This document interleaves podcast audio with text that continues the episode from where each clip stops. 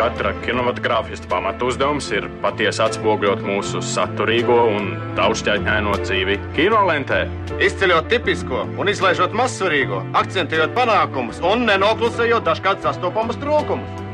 Balansējiet, nu godājiet vēseli inženieri starp pienākumu un varēšanu. Pie jūras klimats 15 minūtes par kino.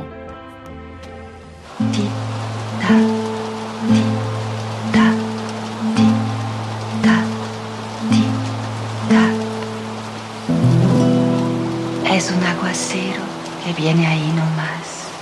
Labdien, mīļie radioklausītāji! Tik piesātinātais Baltijas kino festivāla rudens noslēdzās nu pat 2. decembrī, kad jau 22. Tallinas melno nakšu izskaņu ar skaļu kopkaucienu pavadīja festivāla brīvprātīgie palīgi vilku maskās. Mūsu ziemeļu kaimiņš, Tallinas starptautiskais kinofestivāls, kurš šim gadu izrāda aptuveni 250 filmu un 300 īsfilmus, visplašāk reģionā pārstāv tuvo un tālo austrumu, kā arī Latvijas valstu kino. Filmas no šīm mums visai attālajām kinoteritorijām saņēmušas arī vislielāko starptautiskā konkursa žūrijas atzinību. Labākā filma Klijojošā meitene ir Kolumbijas un Francijas koprodukcija, savukārt labākais režisors Janks Vujins un labākā aktrise Seo Jonghua pārstāv Dienvidkoreju ar filmu Ziemas nakts. Skatītāji un ekumeniskās žūrijas balvu saņēma poļu režisora Adriana Paneka filma Vilkacis, kas žūrijas prāt ir satricinošs žanra paraugs, kur vēstījums un mēdīs ir vienlīdz svarīgi, filma, kas nekādi necentās manipulēt ar skatītāju, neskatoties uz sāpīgo un politiski jutīgo tēmu, Vilkacis attēlo cilvēka dabu ekstrēmās situācijās, kur latīņu teiciens cilvēks cilvēkam vilks vairs nav spēkā, un kur to aizstāja lēnprātība, mīlestība un piedošana ienaidniekam. Adriana Paneka filma, kas pirmajā acu uzmetienā atgādina klasisku trilleri ar šausmu elementiem, vēlāk kļūst tikpat divdabīga kā vilkacis. Filmas darbība norisinās 1945. gadā, kad no koncentrācijas nometnes atbrīvota bērna grupa tiek nometināta pamestā mūžā, kuru ielēns nometnes asinskārie sargu suņi. Iesprostot ēkā bez pārtiks un ūdens, bērni redz šos te suņus kā SS oficieru varbūtējo transformāciju jaunā veidolā, bet tikpat neparedzami ir arī viņu pašu nometnes necilvēcīgajos apstākļos izdzīvojušo un uzaugušo psihi. Režisors Adrians Paneks uz jautājumu, kādēļ viņš izvēlējās strādāt tieši ar šo kino bieži redzēto un sarežģīto tematiku, Otro pasaules karu un holokaustu, atbild iestājoties par šausmu kino žanra stiprināšanu. I was thinking about genre. Uh, and I was uh, wondering why some genre types are not, uh, you know, specific or are not so good in Europe, for example, like horror. Pirmām kārtām es domāju par žanru. Man izbrīna tas, kādēļ atsevišķi kino žanri, piemēram, šausmu kino, nav nostiprinājušies vai arī nav gan attīstīti Eiropā. Iespējams tādēļ, ka briesmoņi, vilkači un citi šajās filmās nav gana ticami. Vienīgā situācija, kurā mēs kam tādam cilvēkveidīgiem briesmoņiem varam noticēt, jau pati par sevi ir šausmu situācija. Tas ir karš, holokausts, bet šī filma nav par holokaustu vai postholokaustu. Eiropas kultūrā mēs vienmēr esam sev piedēvējuši dievišķu izcelsmi, bet tagad mūsdienās uztveram sevi kā daļu no dzīvnieku pasaules. To, manuprāt, pastiprinājusi otrā pasaules kara pieredze, kurā mēs zaudējām ilūzijas par sevi, par to, kas īsti esam. Tā ir ļoti laikmatīga tēma. Vilkačs tēls, pa pusē cilvēks, pa pusē dzīvnieks, ir laba metafora šā brīža sabiedrībai. Our, ourselves now, so.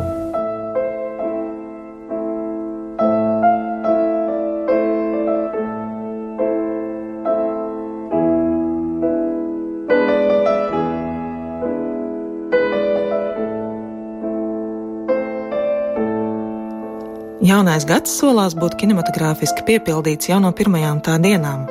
9. janvārī ar Douglasa sērka 1955. gada filmu Viss, ko debesis atļauj un Ditas rietums lekciju aizsāksies kino lektorija Tas, ko tu nedrīkst nezināt, jau 14. sezonu.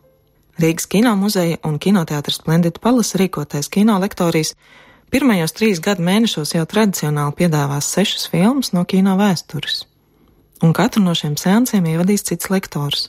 To vidū gan kino zinātnieki un kritiķi, gan režisori, gan vēsturnieki.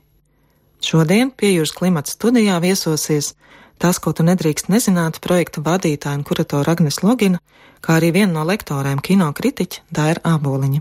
Uno, dos, one, two, tres, cuatro!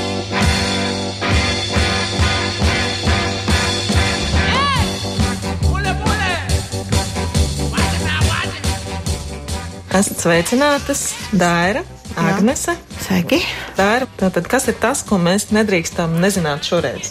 Mēs nedrīkstam nezināt to, ka Eiropā ir um, brīnišķīgi daudz klasiķu, par kuru veikumu un arī teiksim, viņu garīgo lidojumu, jeb iluzoro lidojumu, kā tas varbūt piestāvētu šoreiz mūsu apakšvirsrakstam, mēs ļoti maz ko zinām. Un uh, lektorija vadmotīvs šoreiz būs ilūzija par ilūziju. Jā. Agnes, kādēļ tik iluzors noskaņas šoreiz? Nu, tas viss sākās ar to, ka mēs gribējām rādīt filmas par vilšanos. Par tādu izaugšanu no vilšanās un to sajūtu, ka kaut kas nav tā, kā to bija gaidījis. Tās ilūzijas ir saistītas ar to sajūtu tiešām, ka tu esi daļa no sabiedrības un uh, tad vienā brīdī tu saproti, ka tev ir uh, tas rāmis, kurā sabiedrība tev mēģina ielikt, ir tev jau krietni palicis par mazu. Un tā ir tēma, kas parādās pirmajā filmā, sevišķi, ar ko mēs atklājam Douglas Sērpa brīnišķīgā melodrāma Visko debesis atļauju, kas ir stāsts par atraitni, kura pēc uh, vīra nāves tātad mēģina atgriezties sabiedrībā, bet pēkšņi izrādās, ka viņai ir pilnīgi cits status, un tas, ko viņa grib darīt, pilnīgi nesaskan ar to, ko cilvēki no viņas sagaida, ieskaitot viņas pašas bērnus. Lektorija aprakstā par Douglas Sērka filmu jūs rakstāt, ka sākotnēji tā tika popularizēta vienkārši kā sieviešu filma. Ko 1955. gadā devēja par sieviešu filmām? Par visu, ko devēs atļauju, rakstīja, ka jā, nu tā ir tāda filma sievietēm. Viņām noteikti ļoti patiks Rons, tātad, ko tēlo Roks Hudsons, ka tas var sakot līdzi, cik šis uh, aktieris tātad nobriest uz ekrānu un tam līdzīgi, un ka sievietēm būs prieks, bet tad laika gaitā izkristalizēs, ka patiesībā šī filma ir arī ļoti spēcīgs šķiru kontrasta iemūžinājums, kas ļoti precīzi uztver um, 50. gadu Amerikas mietpilsonisko sabiedrību, bet uh, melodrāmas It sevišķi tajā laikā var tikt uztverts kā žanrs, kas runā par uh, mazaizsargātām grupām aktuālo. Nākamā filma 23. janvārī tātad ir Vai viegli būt jaunam? Jūra Podnieka leģendārā dokumentālā filma. Daudzās uh, kino vēstures grāmatās raksta, šī filma ir uh, skatīta miljoniem reižu dažādās valstīs. Nu, tas visticamāk nav pārspīlēts. Un uh, šīs filmas lektors būs Kaspars Zēlis, vēsturnieks, jo mēs gribējām atrast tādu mazāk zināmu rakursu, kā uz šo filmu var paskatīties. Tad nākamā filma, ko mēs rādīsim 6. februārī, būs uh, Vima Vendersa filma Aplamā kustība, kas ir uh, viena no tādām vismazāk zināmajām viņa filmām. Tādā ziņā, ka tas ir 75. gads, tas ir pirms tā lielā popularitātes viļņa, ko viņš uh, sasniedz ar Parīzi, Teksas un uh, Debes pār Berlīni. Tā ir tā viņa saucamā ceļu filmu triloģija, viņam bija trīs tādas filmas, tātad, un uh, šī ir otrā. Tā ir um, par jaunu vīrieti, kurš grib būt rakstnieks, bet viņam reāli neinteresē cilvēki. Un tad viņu māte aizsūta ceļojumā pa Vāciju, lai viņa kaut drusku ieinteresētu cilvēku. Starp citu, viens no cilvēkiem, ko viņš attiek, ir jauniņā Natasja Kinski, kurai tā ir debija kino ekrānā. Viņai bija tikai 14. Tad mēs 20. februārī rādām Stanley Kubrika pilns bruņojums, jeb Full Metal Jacket, kas ir filma par Vietnams karu nu, gatavojot materiālus par lektoriem, lasot par šo filmu padzināt, es atradu tiešām tādu interesantu lietu, ka filmu vienlaikus uh, mīl gan militāristi un armīnieki, gan uh, pacifisti. Jo katrs filmā saskata to, kas viņa ideoloģija ir tuvāk, un uh, tie militāristi saskata filmā pilns bruņojums stāst par to, kā tad uh, top īsti vīri, Pacifisti vairāk saskata to, kā karš iznīcina jaunas puišas. Par to mums runās lektors Dāvs Sīmens, un um, savukārt par aplamo kustību mums runās Viktors Freibergs. Un tālāk, marta sākumā, 6. martā, mēs skatīsimies Parīzi pieder mums. Parīzi pieder mums ir uh, filma, kas pieder Franču Janam Vilnim, kas ir Žaka Riveta filmatrāža debijas filma. Un Žaks Rivets ir arī viens no interesantākajiem Franču Janam Viļņa režisoriem, jo viņš arī tāpat kā Trifo arī rakstīja par kino. Viņš 50. jau kļuva par svarīgu Franču Janā Viļņa kritiķi, nu tādā ziņā, ka viņš bija kritiskais domātājs, kas virza šo kustību. Un tāds teorētiķis, un tad tas vienmēr ir interesanti skatīties, kas notiek, kad kritiķi un teorētiķi mēģina iedzīvināt dzīvē tās savas idejas. Un tātad par šo filmu mēs runāsim 6. martā. Un lektora būs Zana Balčs, kino muzeja vadītāja. Mans favorīts programmā noteikti ir eh, Zviedru kino režisors brīnišķīgais Rojas Andersons, kuram tad arī pieder filma ar lakonisko nosaukumu Balodas sēdājas zara pārdomās par eksistenci, bet šoreiz programmā 2000. gada filma dziesmas no otrā stāva dēra pastāst lūdzu, kā šī filma iekļaujas ilūziju koncepcijā. Mm. Pirmkārt, eh, Rojas Andersons ir ļoti interesants tipāšs pats par sevi.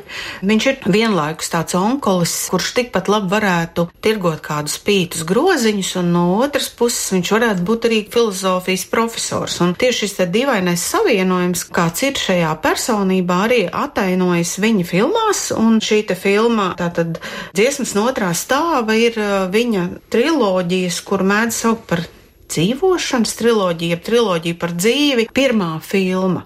Nu, kā jau tas režisoriem gadās, vispirms viņi uzņēma filmas, un tad viņi saprot, ka viņi ir uzņēmuši triloģiju, jo viņi kaut kādā ilgākā laika posmā domā par līdzīgām eksistenciālām lietām, un līdzīgā kino valodā tās izpauž. Un tā tas ir noticis arī ar Roju Andersonu. Un interesanti, ka varbūt, kad šīs divas pirmās filmas, tātad filma Ciesmas no otrā stāva un Tu, kas dzīvo, kas 2007. gada filma, un Un trešā filma, kura tātad saņēma zelta lauvu jau 2014. gadā, tad tikai šī trešā filma beidzot bija pieredinājusi pasauli pie Roja Andersona tādas izpausmes, kad viņš it kā tādus sadzīviskus stāstus ar lielu iekšēju komismu lēnā garā tev pieredina pie tā, ka tas ir kaut kāds sadzīvisks rituāls, kam piemīt arī tāda absurda un arī tāda filozofiska nozīme nozīme. Nu, ka visam, ko mēs darām, piemīt eh, kaut kāda dziļāka nozīme gan tajā, kā mēs tur, nezinu, ēdam, vai kā mēs smēķējam, vai kā mēs sarunājamies, ka tas nav tikai tāds sadzīvisks gadījums, ka tas sasniedz kaut kādu tādu dziļāku jēgu, īpaši tāpēc, ka tā dara daudz cilvēku. Katrs no viņiem dara mazliet savādāk, un neviens visticamāk nedara tieši tā kā Rojas Andersons, tieši tāpēc viņam arī ir zelta lauva un mums nav. Jā, tad Rojas Andersons mums ir tāds režisors, kurš veido komiski interpretēts sadzīviskus stāstus ar filozofisku un mazliet tādu psihodēlisku pieskaņu, kas tām piešķir tādu absolūtu dziļu humoru. Agnes pirmie teica, ka viņš tiekot dēvēts arī par slapstiku Bergmanu. Oh, tas viņam noteikti patiktu. Tas viņam noteikti patiktu šis apzīmējums. Patiesībā diezgan daudz tādu gadījumu pasaulē, kad cilvēkam ir jānodzīvo pāri savam pusmūžam, lai kāds beidzot teiktu, nu jā, tas kā tu domā, tas taču ir eh, brīnišķīgs rokraksts, tas taču ir brīnišķīgs izpausmes veids, un nu mēs beidzot tev iedosim kādu oficiālu balvu, lai tu būtu tajā kino režisora elitē. Un tātad no 2014. gada es uzdrošinos teikt, uh, Rojas Andersons ir kino režisoru elitē oficiāli, neoficiāli. Viņš tur ir bijis jau daudz, daudz senāk, jo festivāli viņa filmas ir vienmēr izrādījuši. Rojas Andersons ir brīnišķīgs zviedru tipāšs. Man liekas, ka noteikti viņš sadraudzētos ar brāļiem Koeniem, ja vien viņam tāda iespēja rastos. Nezinu, viņš noteikti sadraudzētos arī ar Viktoru Freibergu, ja viņam iznāktu iespēja ar viņu parunāt tepat Latvijā. Tā kā, jā, viņš ir tāds dziļūdens bumba. Vai būs pieejams arī mm, lektorija abonements jau laicīgi, jau pirms Ziemassvētkiem? Jā, tas ir arī viens no iemesliem, kāpēc mēs sākam tirzniecību ātrāk. Mēs plānojam uh, parūpēties, lai cilvēki var šo lektorija abonementu dāvināt saviem mīļajiem, un tāpēc mēs plānojam palaist tirzniecībā biļetes jau no šodienas.